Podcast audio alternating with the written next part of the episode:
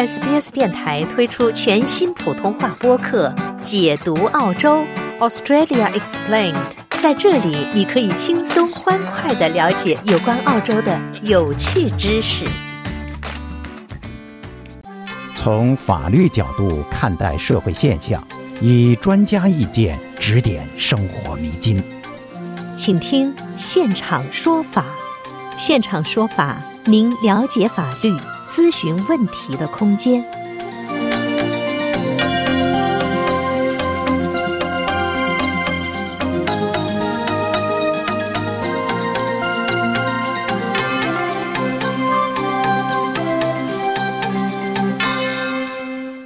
听众朋友您好，欢迎您继续收听 SBS 广播中文普通话节目，周二为您带来的现场说法听众热线节目。我是刘俊杰。我们看到，近期一月十三号呢，墨尔本 Doncaster 一处民宅呢发生恶性入室盗窃案件，一名全科医生呢不幸重伤不治。在今天的现场说法听众热线节目中呢，我们邀请朗伦律师事务所主任律师张卓轩和我们聊一聊避免和应对入室抢劫的话题。非常欢迎您拨打热线电话一三零零七九九三二三。一三零零七九九三二三，参与节目咨询法律问题。接下来，首先来连线本期节目嘉宾张律师，您早。您早，主持人。非常谢谢张律师做客我们的节目哈，这是二零二四年新的一年开始，您第一次做客我们现场说法这个热线节目哈，感谢您一如既往的支持，并祝您新年里面呢事事如意哈。嗯张律师，我们就说从这个恶性的入室盗窃案例中哈。就是感觉很唏嘘哈，就是作为一个普通的老百姓哈，我就特别想了解一下，为了防止这个入室盗窃，我们作为普通老百姓可以做些什么来预防呢？嗯，这个作为一个呃普通的，也是一个普通的人来讲，嗯，我们都有一种感觉，就是澳洲好像这个入室盗窃的发生的这个频率好像还是有一定的。所以，特别是大家都住在绝大多数人都住在这个呃 house 里边，包括公寓的话，即使有一些啊，这个比如门门禁这些呃保护措施，但是我们也会看到有一些不法分子啊，就通过比如说邮递员进入等这种方式的话，偷偷溜进去，也会造成很大的隐患。对，嗯，所以我们其实遇到的这种。案件的咨询还是有的，然后我们一般都会跟客户说，当然如果你发生了这个事情的话，那只能走法律程序。但是在那个之前的话，我们就我们常年的观察来讲，的确是有些事情可以帮到你去尽量降低你被这种入室盗窃的盗贼盯上的可能性的。对，这反而是最重要的，我觉得。对对对，比如说，嗯，第一的话就是，呃，肯定要给自己家里头安装。比较难以打开，就是带锁的这种门窗，啊，那如果是普通的锁的话，那么就要考虑到要有呃，是不是现在有一些新的电子锁，而不是普通的钥匙。如果有普通的钥匙，比如说一些旧的房子的话，那么就可能考虑不要去把你的备用钥匙放在，比如说呃花盆底下或者邮箱里面啊，就是这种很多人都认为有可能会放备用钥匙的地方。因为我们的确有看到过案例，说有一些盗窃的人是会在这地方找钥匙，然后进入这个家里头的。然后还有就是呃，比如说如果是住在街边的这种房屋的话，那么。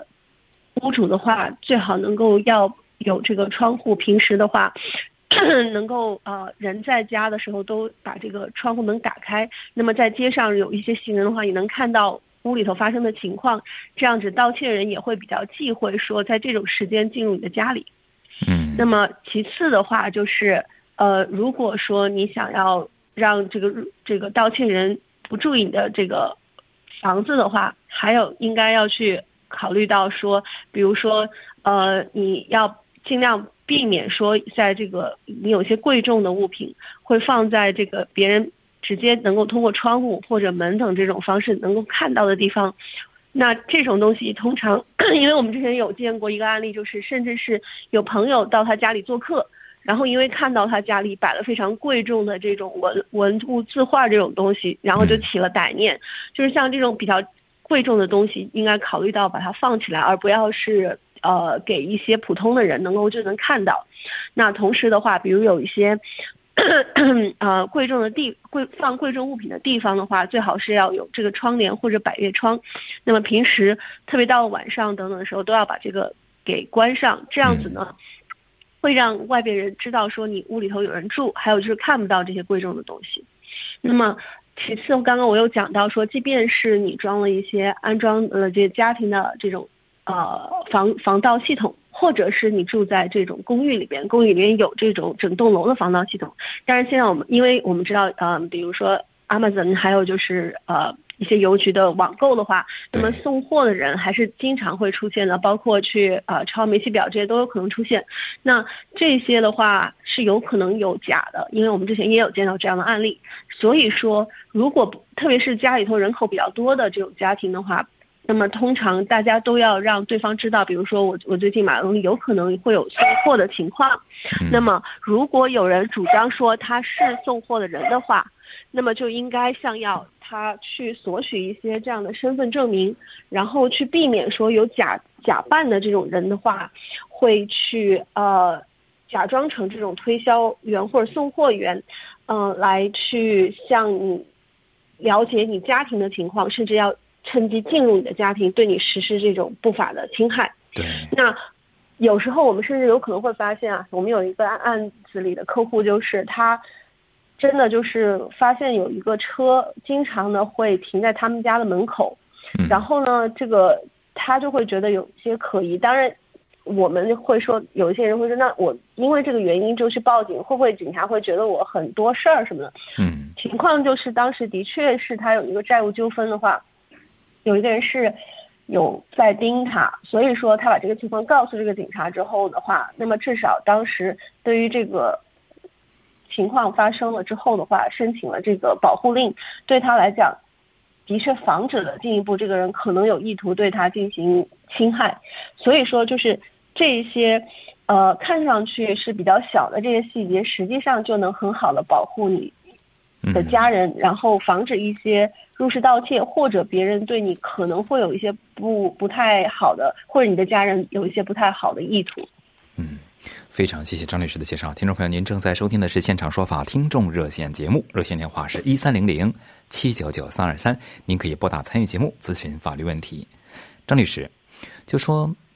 嗯，案例中呢是就是一月十三号这个惨剧哈，就是发生了入室盗窃，并且造成了人员死亡。就说如果一旦我们在日常生活中碰到了这个发生入室盗窃的这种情景的话，我们该怎么做比较好呢？你有什么建议吗？呃，因为我们的确有过呃参与一些法律援助的案例的时候，有看到过这种盗窃的具体的案例，所以说呃我们跟一些专家有过一些讨论。那么他们的话，通常在看到这些案例比我们更多了之后，会跟我们聊到这些问题啊。他会建议我们说，比如说，如果说你真的发现说，呃，有一个陌生人闯入。了你的家，但是那个陌生人还没有发现你的时候呢，你应该要优先考虑的是保护你自己的安全，而不是冲出去跟他搏斗。然后，嗯，所以第一，如果这个陌生人没有发现你，那么你就赶紧进入到一个房间是比较安全的，同时把门锁好，用家具顶住这个门然后呢，就开始要寻求报警，寻求外面的专业的警察过来帮助你。那。你在接线就在我们澳洲来讲的话，那么就一般是打零零零啦。我甚至有时候会建议我的一些客户，因为他可能会担心有有一些人会进来的那些话，最好直接就记住你家里头附近的警察局的电话，因为我们知道零零打过去的话，它还会有一个选择的过程。对，但是如果你直接打到的是你当地的警察局的话，会马上有人接电话，你就直接可以告诉他说你现在遇到什么样的问题，你家住在哪里，而且当地的警局通常会离你家庭比较近，所以他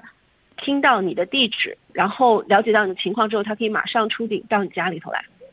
所以你要一定要跟接线的人详详细的描述你的地址，然后就是你听到了什么，你发现了什么，看到了什么。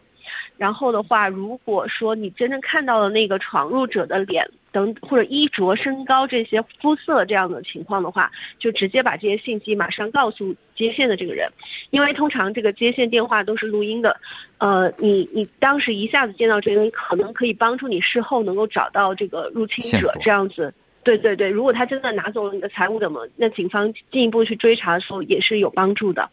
那么这是第一点，然后第二点的话就是，如果说你有安装家庭的安全系统，就是 security system 的话，那么很多的 security system 它是有直接在墙上有那种按钮的，你可以直接按了之后，整个房间就会发发生很大的这个响声，那么就会直接警报就可以把这个人吓跑。特别是在晚上的时候，同时也能够呼叫你周围的邻居过来帮助你。对，嗯，然后呢，第三的话，如果说你躲在房间里这个不现实的话，那么你可能要考虑的就说，你就不要管你房子里有可能会发生的这种呃财务的问题，就是特别是有小孩的话，就尽量带着小孩跑跑掉。就是如果有院子的话，从后院先跑后院先跑出去，跑到最近的邻居家，马上打电话报警。对。嗯，换言之，你可以看到，主持人就是，呃，俊杰，你就可以看到我刚刚讲到的情况，基本上就是说，最大最大的前提就是保护你自己的安全。对，这个一月十三号这个案例中，这个入室盗窃案中啊，这名全科医生当时呢是去追这个，据了解啊，根据现新闻信息是两个青少年哈去追这个入室盗窃的青少年的时候，被刺伤重伤不治的哈，就说一般来说作为。一个住户里面住在里面的人的话，遭受遭遇了这个入室盗窃，可以用武力对抗吗？呃，这个问题其实，在法律上是很难有一个很准确的回答的。原因就是因为，嗯，在澳洲的法律里边的话，其实对于入侵者的话，他他也有一定的法律保护，而且比较一些。其他的发达国家，特别是美国来讲，对于入侵者的基本的法律权利的保护是高于美国一些州一些州的。就据我们了解，比如说我们经常能看到，就是美剧里头会讲到说，呃，你的住宅是你的神圣的资产、私人资产，任何人都非法入侵可以开枪。对，你可以配枪，只要他进入到你的领地，你就可以对他开枪，打死了都不怕。但在澳洲是不存在这个的这个规定的，嗯，在澳洲来讲，甚至我们之前有看到过案例，呃，不知道什么原因，一个入侵者，在这个呃，就是在被发现的时候是已经死亡了，然后这是一个昆士兰的案子，然后的话，呃，当时这个这个 owner 房主的话是被进行就是逮捕进行调查，看他是否造成了这个入侵者的死亡的，之前也有案子，就是说有养狗。狗咬伤了入侵者，甚至会导致这个屋主要赔偿这个入侵者的问题的。嗯，这个这个法律的原理是什么呢？就是因为澳洲的法律其实甚至在一些州，比如像昆士兰，它直接就写明了说，你真正法律允许你的这个最大的范畴，一般而言是让你去把这个入侵者驱赶出去，或者或者用绳子把它绑起来，或者就是嗯。这个让他没有办法，我知道很难操作，然后没有办法让他进一步侵害你的话是可以的，但是前提是你不能够造造成侵害者的严重伤、受伤甚至死亡。就是不要防卫过度，防卫过度啊，就是这么一个意思。这个度很难把握。这个度其实是很难把握的，特别是我们知道我们。本身是在自己家里头，然后突然有有，特别是如果有带这个武器的这种入侵者的话，我们当然会很恐惧，当然会有时候是会奋力的去反抗。比如说像我刚刚讲的，甚至你养狗，有一些家里头养狗的目的就是为了去对抗，相当于一个武器去对抗这个入侵者。但是问题就是在于，呃，如果说像澳洲的法律对于这种入侵者的人权的保护是比较高的情况下。我们的这种用武力对入侵者造成伤害了，最好是避免比较好。对，就会造成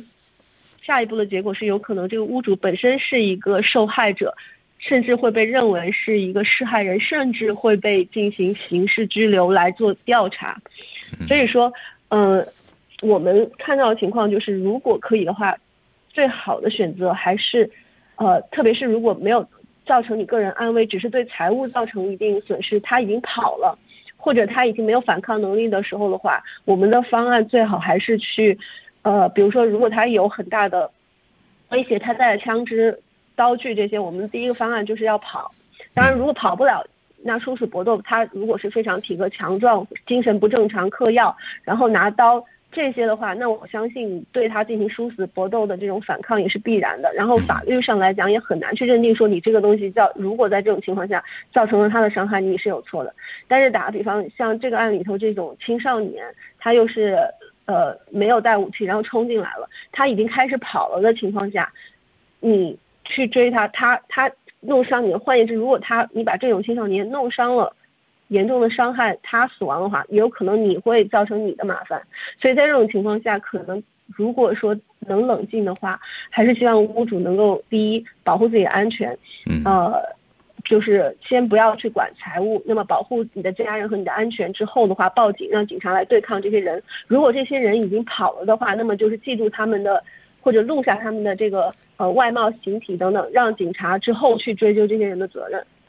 非常感谢张卓全律师给我们的介绍和分享。听众朋友，您正在收听的是《现场说法》听众热线节目，非常欢迎您继续拨打热线电话一三零零七九九三二三一三零零七九九三二三参与节目咨询法律问题。接下来我们来接听听众电话，这位是曾先生，曾先生您好，曾先生，我是我姓曾，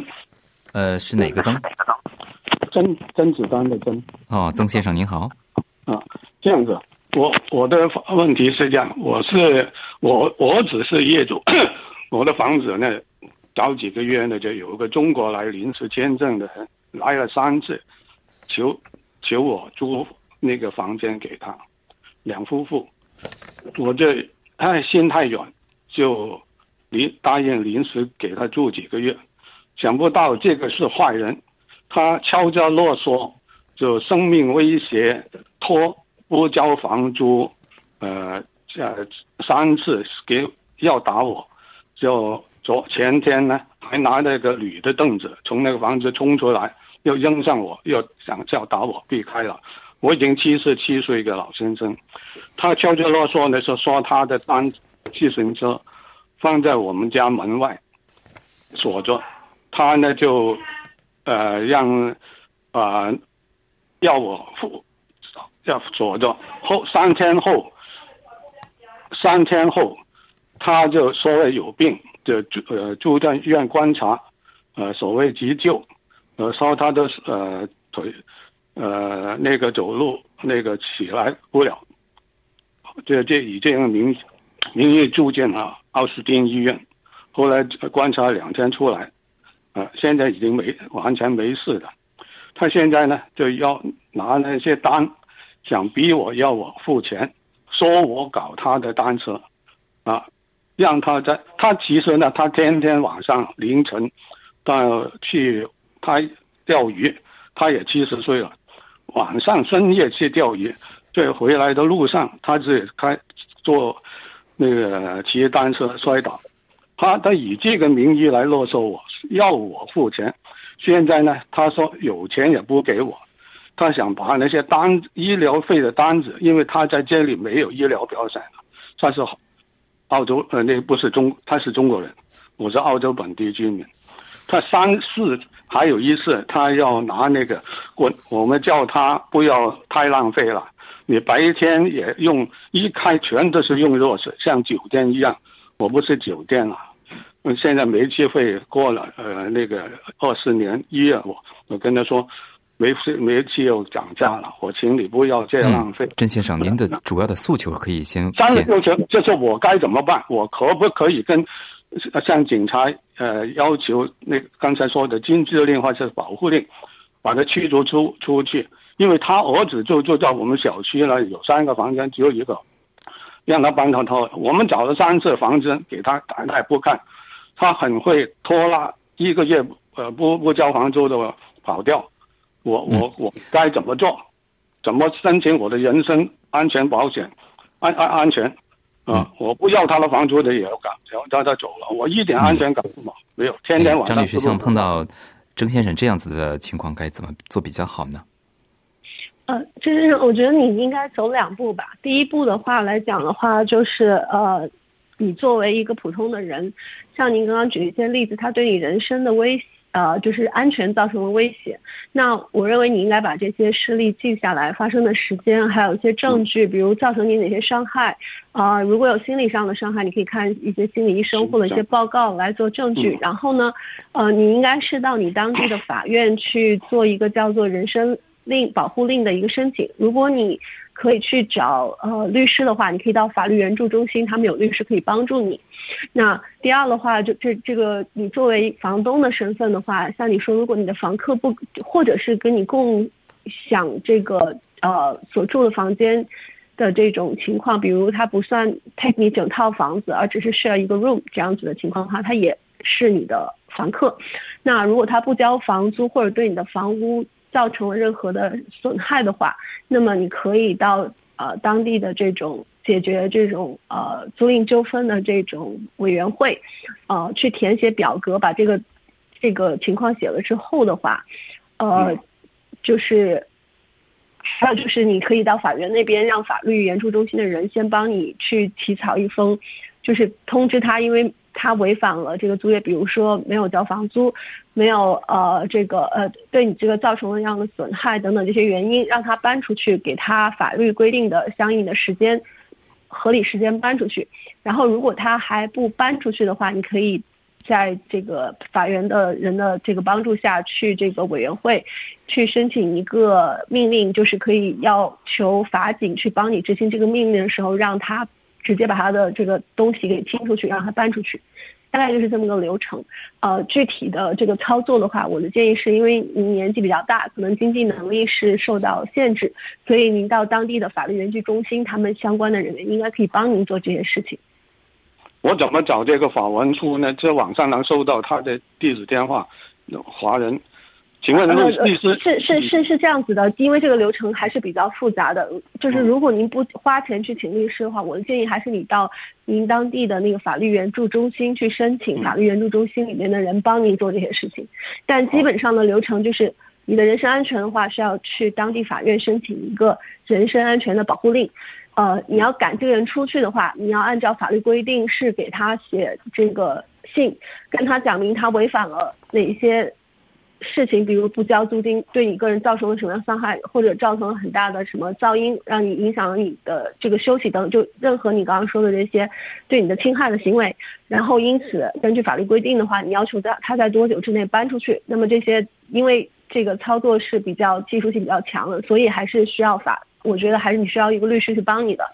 然后的话，这个信发了之后，他在这个规定的时间内没做到的话，那么你就可以。呃，也是律师可以帮助你去这个 tribunal 去，也就是委员会相关的委员会，呃，然后去递交申请，申请一个叫 possession order，也就是这他你已经按照法律规定给了他合理通知，他不搬出去，所以法院就会判说让他或者这个委员会就会判这个命令说让他必须搬出去。你拥有这个命令之后的话，你就可以去登记到这个当地法院的法警处，他们就会帮你执行这个命令，然后把他给从这个房间里的东西都搬出去，让他。让你换锁，让他不能够再进入，就这样的一个程序。嗯，好，谢谢。那我那可以改呃，他能不能驱逐他出境？他在这给我造成人身安全威胁。呃，我还是跟您讲，如果你按照正常的法律程序走的话，就是我刚刚跟你讲的这些法律程序，你都要走。好，因为你任何的情况直接直接把他的东西扔出去或者换锁不让他进来的话，呃。理论上，你这么做的后果有可能是，如果他造成了任何损失，你又没有给他按照法律规定的时间给合理的时间和解释的话，他如果将来想要追究你造成的损失，他还是可以来找你的。当然，他然后他这么能，对，当然他会不会这么做，我不敢说了。但是，但是他在法律上有权利这么做。但如果你按照我刚刚跟你讲的这些流程做完的话，他在法律上是没有办法找你任何麻烦的。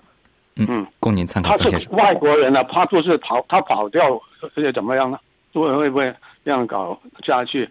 他他他他说有钱也不付给我，现在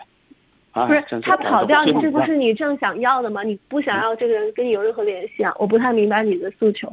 他不付钱跑掉了。他不付钱跑掉的话，那那不是你正正好是你想要的吗？你并不想希望，你刚刚跟我讲的是说，这人给钱你也不想让他住在你家里嘛？所以你的目的不是要钱，你目的是要让他赶他走。对。啊，好嘞，我明白了，大概我明白了。谢谢曾先生咨询，嗯，祝您顺利。听众朋友您好，欢迎您继续收听现场说法听众热线节目，热线电话是一三零零七九九三二三。接下来我们继续接听听众电话，这位是洪先生，洪先生您好。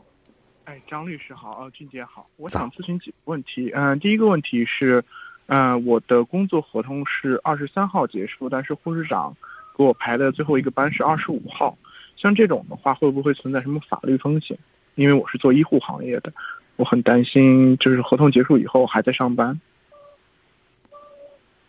嗯，首先，洪先生，呃，就是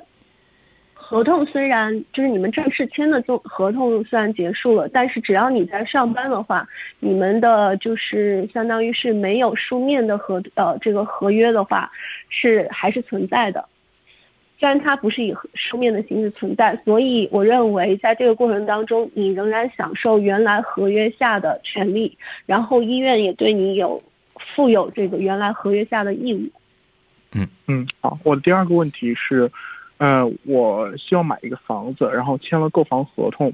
呃，合同上说规定是，嗯，我贷款要在二十二号之前批下来。但我的嗯贷款中介并没有批下来，然后我在担心会不会有什么可能的后果，也就是合同相关方面的问题，就是如果我没有履行合同上的某个日期，会有什么样的后果？会不会啊？对，首先就失效。洪洪先生，我想问一下，你这个是二手房还是期房？期房。期房呢现在已经呃完成了这个呃 title 的注册了吗？就是它的地契这些已经下来了吗？呃，审批之类的 title 应该都已经下来了，不过还没有 settlement。对，所以哦，但是他们有给你通知说，让你要在，因为一般情况下是会这个注册或者拿到 occupancy permit，也就是可住证之后的十四天，他会要求你 settle，然后他会发通知给你。这个这些你都收到了吗？呃，我的过户是说收到，收到了是吗？嗯，那就是实际上你现在是知道成交日是在。呃，什么时间了？呃，对他们原定是二十二号，但是双方说可以，就是嗯有商量的余地，但我还是很害怕。嗯。哦，你不用害怕，因为这个事情对于你来讲的话，你没有的选择，就是你要么就是呃拿不到这个，然后想办法 nominate 出去，转让出去，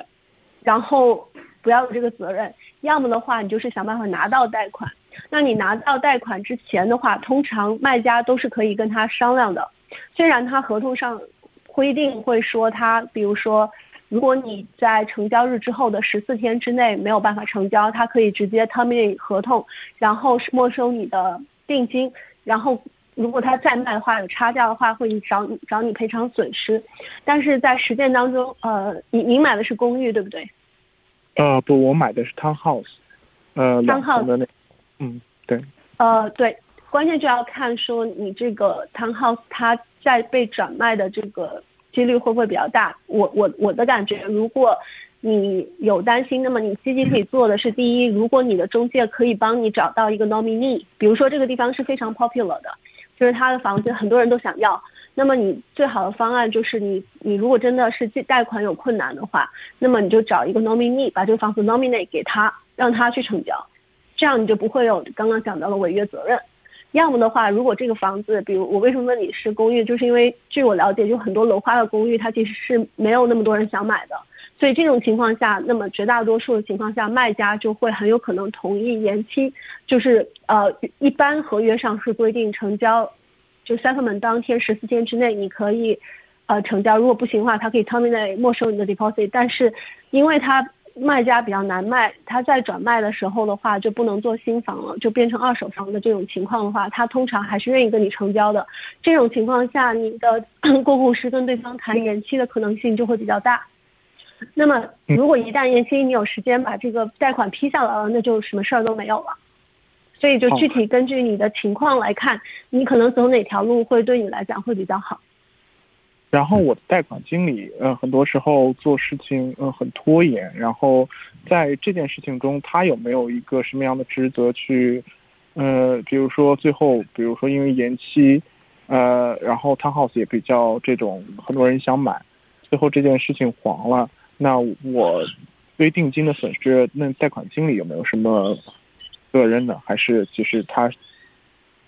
这要看你和贷款经理之间的协议。那么通常我了解，他们都不会那么傻了，他们跟你签协议，帮你做贷款的时候，都会讲明这些责任，他们不会承担的。嗯，好，我的最后一个问题是关于借款的问题。呃，如果我要是借借朋友这个一笔钱，我都需要就是什么样的手续呢？我可能会让他写一个借条，然后有的时候你是向你的朋友借钱对吧？啊不不，我是给，就是借给朋友。就是你借给别人是吗？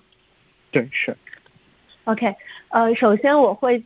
建议你，无论是多大的金额，最好还是要弄明白对方借你钱的目的是什么。如果说对方借你钱的目的，比如是做投资，或者是甚至是买房这种的话，我会建议你直接跟他签订协议，最好的话能让对方用他的房产给你做抵押。